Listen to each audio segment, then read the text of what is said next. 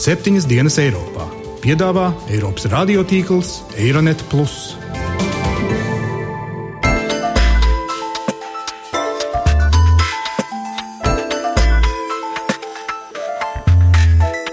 Šonadēļ septiņas dienas Eiropā dzirdēsim. Tur būs kaut kāda bedra. The Americans are running the show. Un Eiropa ir arī panākusi pretī tie procenti pavirzīt. dans l'ensemble de l'Union des pouvoirs de prévention, de préparation des crises.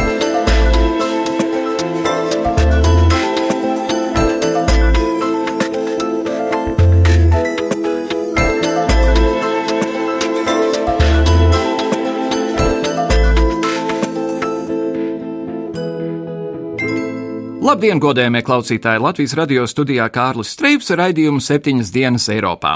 Jau pagājušas septiņas dienas kopš pēdējo reizi skanējām. Šodien raidījumā tāpat atskatīsimies uz notikumiem, par ko iepriekšējā nedēļā varējām lasīt pasaules presē, un runāsim par tēmām, kas nonākušas Eiropas ziņu virsrakstos. Pagājušajā nedēļā Ukrainas austrumu reģionu iedzīvotājiem dzīve bija ļoti, ļoti piesātināta.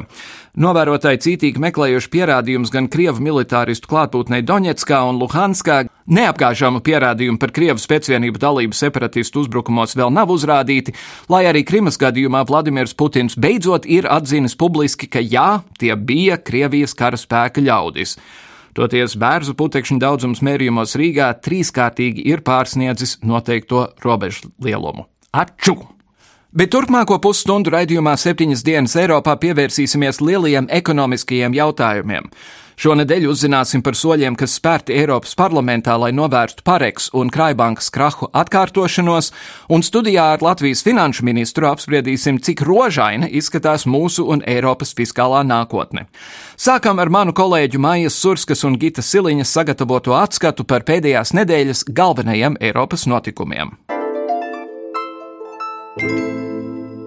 Ukrainas austrumiem ieslīgstot arvien lielākā haosā, pēc lieldienu brīvdienām Ukrainas pagaidu prezidents Aleksandrs Turčīnovs valsts austrumos lika uzsākt pretterorisma operācijas otro aktīvo fāzi. Jo kā portālam Gordono.com paziņojis Ukrainas ekonomisko un politisko pētījumu centra militāro programmu vadītājs Nikolais Sungurovskis, pirmā pretterorisma operācijas fāze īpašus rezultātus nedeva. Nākošā dienā pēc otrajām lieldienām Austrumukrainā tika atrasti divu līdz nāvei nomocītu cilvēku līķi, viens no kuriem bija vietējais politiķis. Vēl dienu vēlāk separātisti atklāti atzina, ka ir sagrābuši gūstā amerikāņu žurnālistu Simonu Ostrowski, kurš vēlāk arī ticis atlaists. Pret mēdījiem aizvadītajā nedēļā draudīgi izrīkojās arī pašā Krievijā, kas joprojām tiek uzskatīta par Ukrainas krīzes iniciatoru.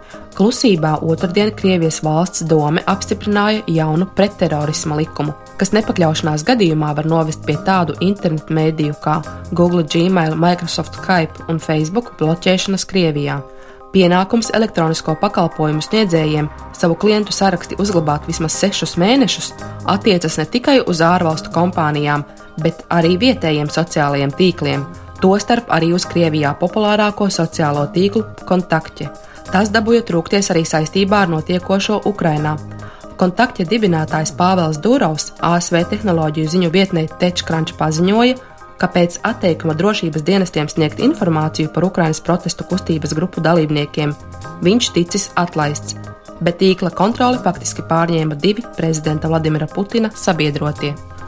Tikmēr Krievijas ārlietu ministrs Sergejs Laurovs intervijā angliski raidošiem Krievijas valsts kanālam Russia Today sacīja, ka uzskata, ka aiz notikumiem Ukrainā stāv Amerikas Savienotās valstis. Launching of this operation uh.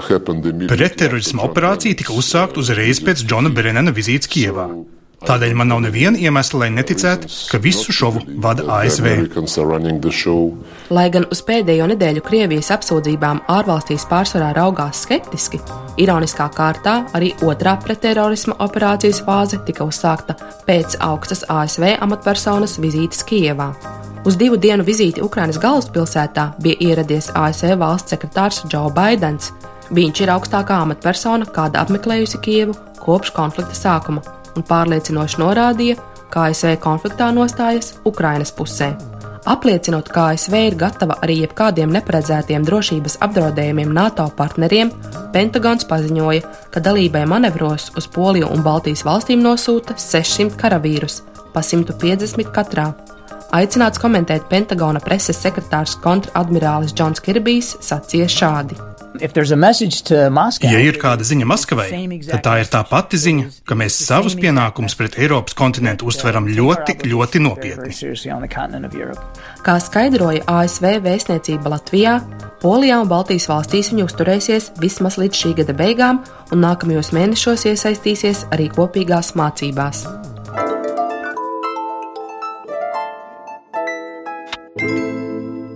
Eiropas komisija Latvijai ir devusi sešus konkrētus ieteikumus, lai uzlabotu un nostabilizētu savu ekonomisko attīstību. Ieteikumi ir šādās jomās. Pirmkārt, noturīgas publiskās finanses un nodokļu sistēma. Ir svarīgi, lai Latvijā saglabātos fiskālā disciplīna, Latvijai jāturpina uzlabot nodokļu iekasēšanas rādītāji, turklāt zemie ienākumi tiek aplikti ar pārāk lieliem nodokļiem. Otrakārt, jaunatnes un ilgtermiņa bezdarbs. Jauniešu bezdarbs Latvijā ir samazinājies, taču joprojām ir pārāk augsts. Tālāk - nabadzības samazināšana. 40% Latvijas iedzīvotāju draud nabadzība vai sociālā atstumtība, viens no augstākajiem rādītājiem Eiropas Savienībā. Tāda vēl augstākā izglītība un pētniecība. Latvija ir ierosinājusi vērienīgas augstākās izglītības sistēmas reformas, un pareizi īstenojot šīs reformas, būs pozitīva ietekme uz izglītības kvalitāti. Piektkārt, enerģijas tirgus un efektivitāte. Lielu enerģijas efektivitātes pieaugumu var sasniegt mājasemniecību sektorā. Latvijai būtu jāatver dabasgāzes tirgus un jāuzlabo pārobežu starpsavienojumi. Un pēdīgi tiesu reforma neefektīvai Latvijas civilās tiesvedības sistēmai ir negatīva ietekme uz uzņēmēju darbības vidi. Ja Latvija ar to visu var tikt galā, tiek solīta droša un stabila ekonomiska nākotne. Par to, ko vēl Eiropa dara, lai nodrošinātu stabilitāti ekonomikā, mana kolēģe Jāņa Kropa veidotajā sižetā.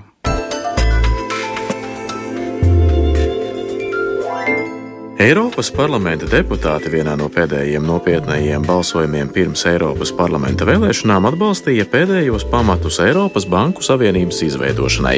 Savienības mērķis ir gādāt, lai neatkārtojas krīzē piedzīvotais, kad pārgalvīgu banku darījumu dēļ tās nācās glābt par nodokļu maksātāju naudu.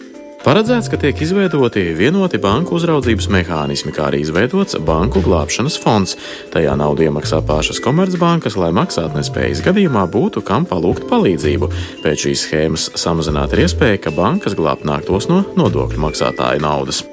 Latvijas radioziņu dienesta sagatavotajos materiālos ir izskanējis par atbalstu, ko Banku Savienībai izsaka Eiropas parlamenta ekonomikas komitejas priekšsēdētāja Šārona Bolza. Viņas viedoklis ir, ka beidzot top procedūra, kas paredz kredīti iestāžu glābšanu finanšu grūtību laikā. Hand, uh, hand, no vienas puses mums ir finanšu pakalpojumu sektors, no otras - ekonomikas pārvaldība. Abas apvienojas Banku Savienībā, un tam ir ļoti liela nozīme finanšu tirgu stabilitātei un eiro stabilitātei. Savukārt Eiropas Savienības iekšējā tirgus un pakalpojumu komisārs Mišels Barņē ir pārliecināts, ka Banku Savienības veidošana palīdz cīnīties ar tālākām problēmām. Startautiskais valūtas fonds nereizi vien ir brīdinājis, ka nav nemaz tik neiespējama vēl viena finanšu krīze. Turpina Mišels Barņē. Mēs ieviešam preventīvas pilnvaras, lai varētu paredzēt krīzes situāciju. Es bieži esmu teicis, ka profilakse ir lētāka nekā ārstēšana. No kā sastāv Eiropas Banku Savienība? Pirmkārt, ļoti svarīga ir uzraudzības funkcija. Vienotas uzraudzības mehānisms ir Eiropas centrālās bankas rīcībā esošs rīks, kas ļaus sekot līdzi lielākajām Eirozonas bankām. Kopumā Eiropas centrālā banka uzraudzīs 130 komercbankas, tostarp trīs Latvijā strādājošās - Svetbanka, SEB un ABLV. Tajā pašā laikā atcelta netiek nacionālā līmeņa banku uzraudzība no vietējo iestāžu puses mazākajām komercbankām. Uzraudzības mehānismu ietvaros grūtībās esošas bankas būs tiesības vai nu slēgt, vai arī stabilizēt, bet galvenais uzsvars tās vairs nedrīkstēs atstāt graujošu ietekmi uz visas Eiropas kopējo ekonomiku. Otra lieta ir glābšanas fonds, kurā bankas pašas iemaksās 55 miljardus eiro. Tie būs stabilitātes līdzekļi, kurus izmantos tik līdz bankām būs nepieciešama glābšana. Viena doma, kas gan jau ir pavīdējusi, vai tad 55 miljardi eiro būs pietiekami. Latvijas Komercbanku asociācijas vadītājs Mārtiņš Bičevskis uzskata, fonds ir labs drošības spilvens, bet par apjomu gan var spekulēt.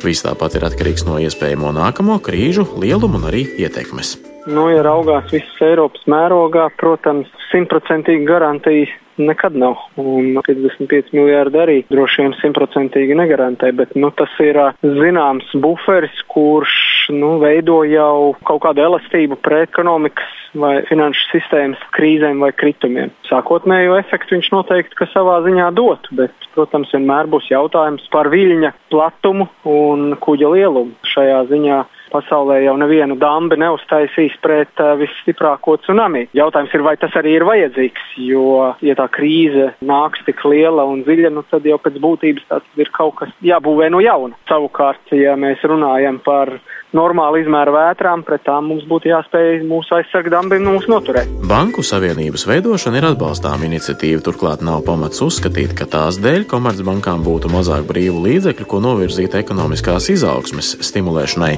Mārtiņš Bičevskis uzskata, ka vismaz Latvijā lielāka nozīme ir uzņēmējdarbības vides veidošanai un nodokļu politikai, ne banku brīvajiem līdzekļiem, bet izslēgt, protams, arī nevar, ka lielāks ieguldījums drošības pasākumos samazina mobilitāti un darbības elastību.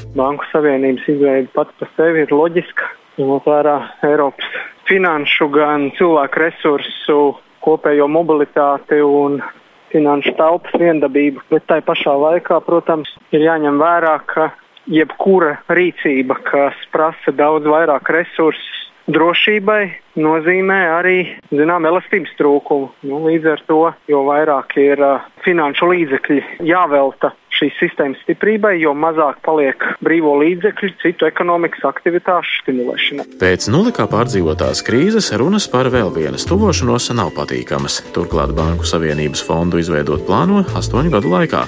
Latvijas bankas ekonomista Anita Bērziņa uzskata, ka Eirozonas ekonomiskajam termometram šobrīd nav draudu ne pārkarst, ne arī pārlieku atzist. Kopumā par Eirozonu var teikt, ka šobrīd attīstās mērenā tempā un arī izaugsmas perspektīvas ir vērtējums pozitīvi. Par to liecina dažādi ekonomikas rādītāju uzlabošanās. Piemēram, 2013. gada otrajā pusē Eirozonas iekšzemes koprodukts jau ir atgriezies pie izaugsmes. Arī 2014. gadā gaidām iekšzemes koprodukta pieaugums 1,2% apmērā. Nu, ja skatāmies arī uz citiem ekonomikas rādītājiem, tie arī ir visnotaļ pozitīvi. Piemēram, ekonomikas sentimenta rādītāji uzlabojušies principā visās Eirozonas dalību valstīs. Arī ražošanas iepirkuma vadītāja indeks visās Eirozonas valstīs atgriežas līmenī, kas norāda uz ražošanas izaugsmi.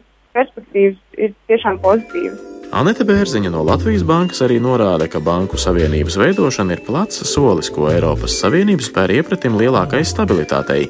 Var, protams, diskutēt, vai 55 miljārdi eiro astoņu gadu laikā ir pietiekami, taču tas ir vairāk nekā bijis līdz šim.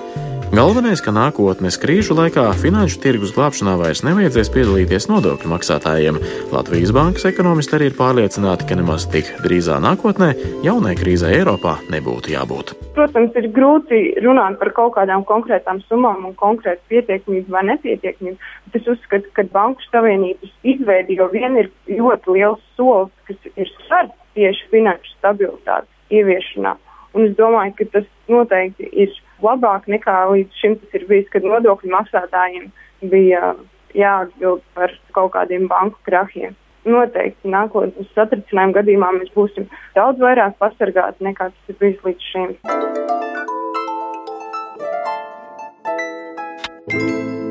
Šodien studijā par Eiropas Savienības fondiem un budžetu, mūsu nākotnes ekonomisko izaugsmi un nodrošināšanos pret iespējamām nākotnes krīzēm, vai kā to visu sauc ekonomiskajā žargonā, nākamais plānošanas periods, tagad bijusī konverģences, bet tagad stabilitātes programma un Eiropas stabilitātes mehānisms. Mans viesis ir Latvijas finanšu ministrs Andris Vilks. Labdien! Labdien!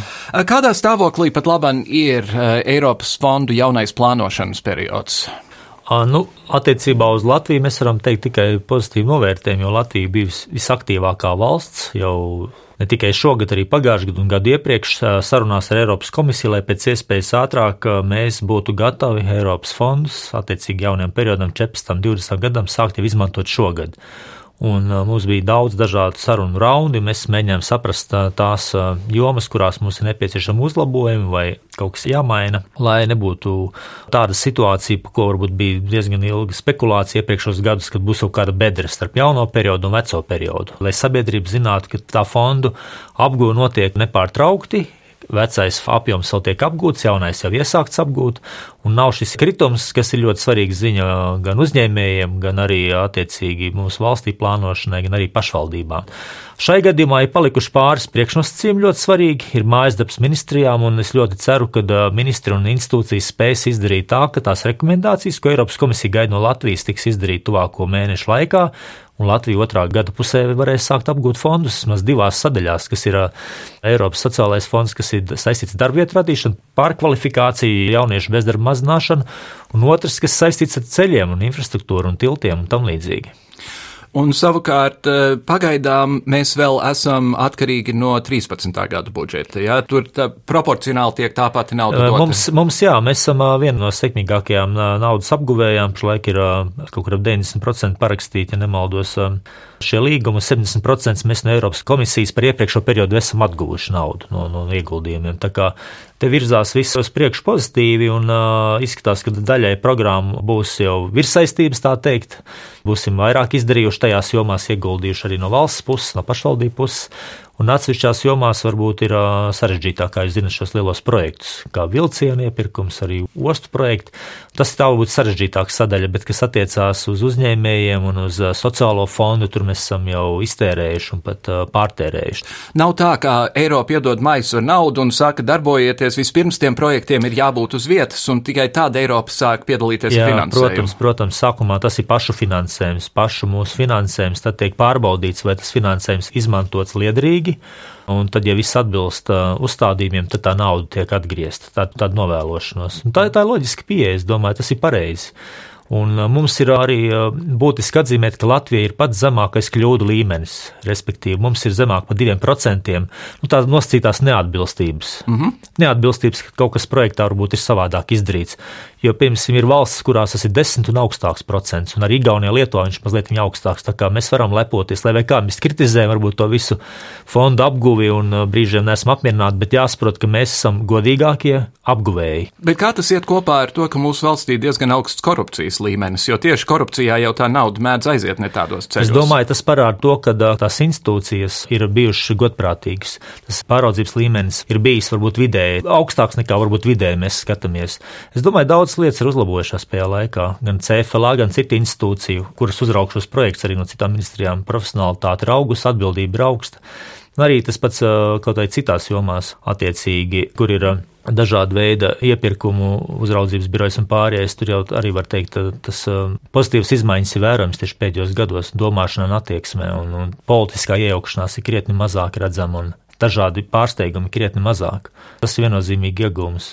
Šajā kontekstā un arī, arī infrastruktūras kontekstā, kā Eiropā izskanēja šis jautājums par vilcienu iepirkumu, kur bija jau noslēgts līgums, un tad pēkšņi valdība izdomāja, nē, nē, tā nevajag, to mēs nedarīsim. Nu, Es domāju, ka tas nav vienīgais Eiropā. Es varbūt tieši šajā jomā neesmu, tieši tas nav mans pāraudzības lauks, jā, tas ir satiks ministrijas, bet ik pa laikam Eiropā ir līdzīgi, teiksim, varbūt ne pārpratumi, bet nu, dažādi noslēdzās arī citās jomās un citās valstīs. Tas nav varbūt tāds vienīgais. Bet ir viennozīmīgi skaidrs, ka kaut kāda veida interpretācija tiek uztverta nu, negatīvi, jo šeit tomēr ir bijusi pašdarbība pašdarbību un eh, zināmas ieinteresētību, acīm redzot. Es domāju, ka mēs tam posmam esam pāri, kas ir bijis varbūt iepriekšējā desmitgadē, kur ir bijusi zināma politiska un sautīga iejaukšanās, bijusi neizprotami lēmumi, bet uh, šo periodu, tomēr sakot, pēdējiem gadiem pāris, teiksim, četriem, pieciem, nu var redzēt, kad, kad attieksme mainās. Un, uh, ir ļoti svarīgi neriskēt ar šādiem lieliem projektiem. Arī mēs saprotam, ko nozīmē šī nauda Latvijai tādos svarīgos risinājumos. Vai tā ir infrastruktūra, vai ceļi, vai, vai vilcieni, vai vienalga kas. Tās ir lietas, kas mums ļoti vajadzīgas, un kaimiņu valstis daudz kur ir jau to izdarījuši. Mm -hmm. Tad nedrīkstam riskēt. Kas ir mainījies kopš mēs ievietām eiro šajā kontekstā? Vienkārši grāmatvedība ir vienkāršāka, vai ir arī citas lietas mainījušās? Es domāju, attiecībā uz fondiem, vai Jā. kaut kur attiecībā. Es domāju, jebkurā dzīves jomā, kur mums ir sadarbība ar starptautiskiem partneriem, Viennozīmīgi tas ir uh, tikai pozitīvi nācis, jo mums nav jāveic kaut kāda, nu, teiksim, dubultabulām jābūt dažādās valūtās un, un tam līdzīgi apjomi.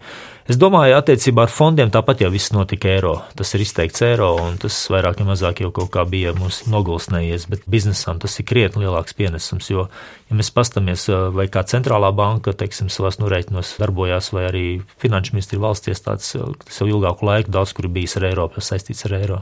Eiropas komisija mums ir devusi sešus specifiskus konkrētus ieteikumus par ekonomiskās attīstības stabilizēšanu. Tās ir tātad noturīgas publiskas finanses un nodokļu sistēma, bezdarbs, nabadzība, augstākā izglītība, enerģijas tirgus un tiesu reforma.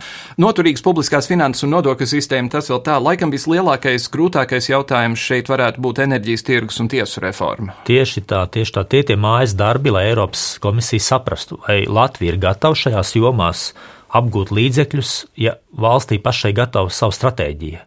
Mums, kā zināms, nu, šīs lietas, kas skaitās iet ar struktūrālajām reformām, ļoti buksē. Ņemsim vērā, ko teikt enerģētikas politika. Nu, tāda īsta sajūta mums nav, ka viņa mums ir. Mums viņa nav tādā līmenī noslīpēta, ka mēs reāli zinātu, ko mēs šos gados gribam izdarīt. Krievijas-Ukrainas konflikts liek mums ātrāk domāt un ātrāk rīkoties viennozīmīgi visām Baltijas valstīm, tikai Latvijā. Mums vajag pilnīgi skaidru, skaidru stratēģiju, un tas ir jādara maksimāli ātri, un tam ir jābūt. Tam bija jau jābūt tagad. Es saprotu, tās koncepcijas ir izstrādātas, bet viņas nav tādā līmenī, ka mēs teiktu, jā, tas ir tas, ko mēs visi saprotam un akceptējam. Arī valdības līmenī mēs tam neredzējām vēl pagaidām tādu apstiprinājumu. Izglītība tieši tas pats. Reformas ir nobremzējušās zināmā mērā, un arī nav tāds īsts skatījums uz augstāku izglītību, varbūt uz, vidu izglītību, varbūt mazāk, bet katrā ziņā šī joma, kas arī uzdod jautājumus, nu tad mēs apturēsim visu to, ko esam iesākuši, vai tad ņemsim pauzi, atkal kaut ko darīsim. Es domāju, domāju, nedrīkstam apstāties. Ir jābūt kaut kādam pozitīvam pavērsienam. Mēs dažādos pasaules reitingos, kur izglītību vērtējam, neatrodamies kaut kādās ļoti labās pozīcijās. Tas pats tiesas sistēma. Tiesas sistēma ir viens no lielākajiem klušanas akmeņiem. Runājot, par to ir gadiem runāts. Gadiem un gadiem, kā administratīvā tiesa ir ļoti gausa. Lēna, neizprotama, maksāt nespējas administratoru un pārējās. Ir daudzi faktori, kur jau sen jau tiek minēti. Es atceros jau pat Kalvīšu laikā un iepriekš jau minēti visās valdības sēdēs, kad tiekās ar, ar investoriem. Tie tiek zināmie klupšanas akmeņi, kas arī piebremzē investīciju ienākšanu Latvijā un investīciju vidas uzlabošanu jāsaprot uh, tirgus dalībniekiem spēles noteikumi, cik ilgi tiesas, uh, kā notiek tiesas darbība, cik viņas ilgi iet, un jāsaprot, uh, pie mazākiem darījumiem tas ir viens risinājums, pie lielākiem procesiem tas ir savādāks, bet nedrīkst būt kaut kāda veida tādi individuāli risinājumi, kā tas brīžiem ir gadījies, ja, un joprojām droši vien, kad pastāv. Tāpēc te ir uh, pirmie, vairāk soļi pozitīvi spērti, to nav šaubu, bet uh, katrā ziņā šis ir jautājums, acīm redzot, pie kā jāatgriežas, jo, ja mēs pastamies dažādas konkurētspējas tabulas, kur valsts valsts izvietotas. Nu, es domāju, ka Latvija visvairāk cietīs tieši dēļ šīs sistēmas, kur mums būs sliktāks vērtējums varbūt nekā citās jomās. Šie mājas darbi, kuriem prasa ātru rīcību un tam plānam jābūt galdā, un, un tad arī Eiropas fondi būs. Būtu ļoti nelāgi, ja netiktu izdarīti šie pasākumu, nebūtu konkrēta stratēģija, un Eiropas fondi šogad netiktu, kā teikt, piestartēt Latvijā. Mm -hmm. Tas būtu ļoti, ļoti slikti priekš mums. To mēs nedrīkstam darīt tikai pāris jautājumu dēļ, principā trīs jautājumu dēļ, jo pēc tam nodokļiem es domāju, tas vairs nav tas jautājums, un fiskāla disciplīna ar mums ir. Es pats piedaloties ar komisāru Hānu vairāk reizes, vairāk kārtīgi sarunās, es pilnīgi sajūtas. Mums ir pāris jomas, kur tās struktūrālās reformas būtu nu, jāsaprot, kā mēs viņus ievirzam, un, un, un enerģētikas politika viss. Un tad mēs piestartējam, kā teikt, šogad ar šiem projektiem, un tas ir būtiski. Būtiski pozitīvs signāls sabiedrībai, mums pašiem. Valdība var pateikt, ka viņi to izdarīs, ko apņēmusies, un uzņēmēji jau sāk plānot, un pašvaldības sāk plānot visus tos darāmus darbus. Kāds jums ir personīgs skaidrojums? Mēs izstrādājam visādas stratēģijas, un tad tās nogulstas uz plaukta. Kaut vai pagājušajā gadā tika izstrādāts liels prioritāšu saraksts, detalizēts prioritāšu saraksts, kurš tajā budžetā atspoguļojās diezgan vārgi. Teiksim, tur bija pirmajā vietā mehanizācija bruņotajiem spēkiem un tā tālāk. Nacionālais attīstības plāns ne īsti budžetā parādās visā pilnībā un tā tālāk. Nu, jāsaprot, ja mums ir koalīcijas valdība, ir dažādi skatījumi par dažādu sfēru attīstību, tad saliekot kopā, tad sanāk tā. Kad ir, nu, teiksim, viņš ir konfliktējošs, bet jebkurā gadījumā es domāju, gribu atzīmēt, ka tas tuvāko trīs gadu budžets vienalga ir balstīts apmēram par 40% uz nacionālā attīstības plāna izstrādātie priekšlikumi. Tas ir daudz. Es nezinu, kā tas bija varbūt iepriekšējā periodā, bet uh, es domāju, tur bija stipri mazāk. Mhm. Tā kā tāda zināma stabilitāte un tāds atspērienu punkts jau rodās. Bet ir jāsaprot, tas prasīs laiku. Es domāju, ka mēs pieslīpēsimies, ja nebūs kaut kāda negatīva cikla ekonomikā, un tas aizvien vairāk atspoguļosies tādā reālā darbā. Bet, nu, protams, vīzijas ir krietni vienmēr plašākas. Viņas ir labas, es pilnīgi lasu, redzu to nacionālo attīstības plānu, un tas budžeta pieprasījums. Viņiem ir labi, viņi ir atbilstoši, bet nu, visam ir savs laiks, un, un tās prioritātes tomēr ir jānošķir no tām pārējām lietām, kuras var pagaidīt vai var citādāk izteikts tik naudas summās. Kas notiek Eiropas līmenī banku jomā? Ko Eiropa vēlas nodrošināt ar tādu banku savienību? Jā, Eiropa grib prognozējumu banku sistēmu, lai nebūtu tāda situācija, kāda bija iepriekšējos gados, iepriekšējā ciklā, kad bankas, var teikt, rīkojās salīdzinoši saurupi. It kā jau ir zināms, ka teiksim, kapitāla pietiekamības un likviditātes rādītāji ir dažādas rekomendācijas. Tāpat bankas arī tika zināmā mērā uzraudzītas, bet tas nav pietiekami. Un šai gadījumā ir visaptveroša politiska un arī tehniska banku regulācija lai uh, jau iepriekš varētu izskaust, uh, novērst kādu veidu problēmas, kas var rasties kādās bankās vai kādos reģionos. Un, respektīvi, visiem viena likuma un jāievēro un jāsniedz informācija. Tāpēc arī Eiropas centrālā banka būs dziļi tajos procesos iekšā.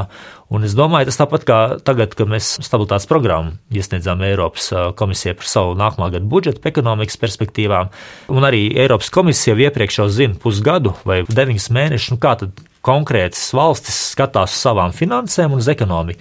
Tāpat arī par bankām būs līdzīga aina. Nebūs pārsteigumi. Un, es domāju, tas ļoti svarīgi ir. Tāpēc uh, tā ir tāda stabilitāte, kura noteikti nāks par labu gan banku klientiem, gan uzņēmējiem, gan pārējiem. Respektīvi, kur būs riski, tie jānovērš būs laicīgi, un kur būs stabila attīstība, tur cilvēkiem nebūs uzņēmējiem liekas stress. Mm -hmm. Tas ir nepieciešams darbs, un to nav vispār šaubu. Kā jūs vērtējat to, ka dažādas partijas, kas kandidē Eiropas parlamentu vēlēšanās, sola dieva zīmes? Piemēram, viena partija sola nodrošināt Eiropas līmeņa pensijas Latvijā, ar ko Eiropas parlamentam nav pilnīgi nekāda sakara. Nu jā, tas tāds, es, es pat teiktu, tas būtu no tēmas, kas kādreiz bija satiriskajā žurnāls Dādzis. Ja. Nu, Dādzim te būtu ļoti daudz ko rakstīt, tāpēc, ka tas ir reāli cilvēki nav. Es domāju, ka tie politiķi daļa nav iedziļinājušies, ko viņi runā, un otrs, viņi vienkārši negrib iedziļināties. Viņi runā tās lietas, kas ir ausī tīkamas. Tas ir absolūti nepamatots populisms. Cilvēku mānīšanu, un, un, bet arī jāsaprot, ka tur nav nekādas, es domāju, iespējas arī tikt ievēlētiem, ir ļoti minimāls un tad, zināmā mērā, ākstīšanās notiek. -hmm. Tā kā tas ir tāds, es nezinu, vai citās valstīs tāds populisms, bet katrā ziņā jāsaprot lietas, ko var nodrošināt Latvija un ko var Eiropa. Eiropa var nodrošināt strateģiskas lietas, viņi nevar nodrošināt algas vai pensijas vai kaut ko tādu, tas ir absolūti nesaistāmas lietas. Un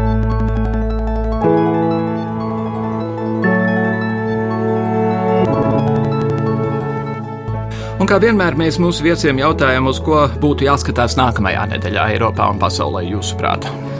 Es domāju, ka attiecībā uz Eiropu, man liekas, un arī uz pasauli, un šeit ir viena lieta, kas ir svarīga visiem mums, tas ir kā tālāk uzvedīsies Putins.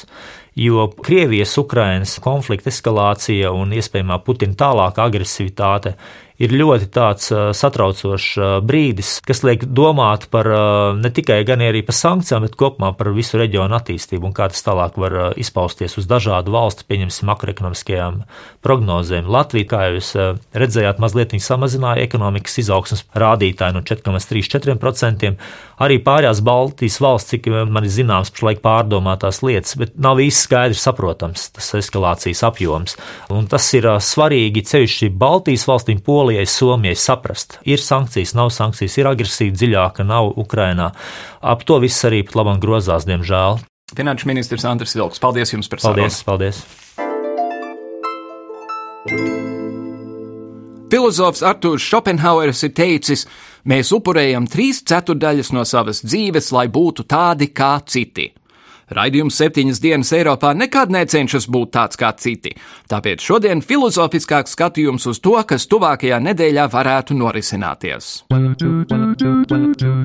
Ukrainas krīze visticamāk turpinās palikt par nākamo septiņu dienu centrālo norisi. Pirms pusotras nedēļas Ženēvā panāktās vienošanās netiek pildītas. To, vainojot citu citu, atzīst visas iesaistītās puses. Austrum Ukrainā turpinās antiteroristiskā operācija, Krievija turpina noliegt savu bruņoto spēku klātbūtni šajā teritorijā, upuru skaits turpina pieaugt. Mēs Latvijā ar pamatotu satraukumu raugāmies uz šiem notikumiem. Šajā satraucošajā kontekstā par svarīgu dienas kārtības jautājumu kļuvusi Latvijas krievalodīgo iedzīvotāju lojalitāte. Jācer, ka konstruktīvs, iekļaujošs dialogs ar šo iedzīvotāju daļu kļūs par eh, Latvijas politiskās elites vispārējo prioritāti un nepaliks tikai dažu politisko spēku ziņā. Eh, Latvijas neatkarības atjaunošanas diena, ko svinēsim svētdien, nepārprotami sniegs lielisku iespēju uzrunāt krievalodīgos kā Latvijas tautai piederīgos un Latvijas valstī svarīgos. Šāds dialogs reizē liecinās, ka vismaz daļēji pārvarētas ir vēsturiskās traumas, kuras līdz šim sagādājušās eh, lielākos izaicinājumus mūsu sabiedrības integrācijai.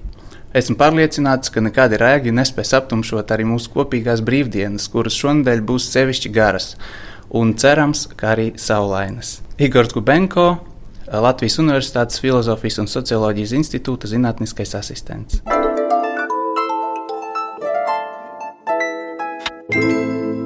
Ar to arī izskan raidījums septiņas dienas Eiropā. Nu, dien Eiropas Savienības finanses ir svarīgas visai mūsu valstī un visai mūsu sabiedrībai. Lūdzu, lūdzu, paturēsim to prātā. Nākamnedēļ pievērsīsimies Latvijas desmitgadēji Eiropas Savienības dalību valstu statusā, un pēc tam 12. maijā septiņas dienas Eiropā piedāvās jums īpašu izlaidumu saistībā ar Eiropas komisijas jaunā vadītāja meklēšanu. Pagaidām Kārlis Streips jums saka visu labu! Raidījumu veido Kārlis Streips, Gita Siliņa un Jānis Krops. Producents Lukas Rozītis.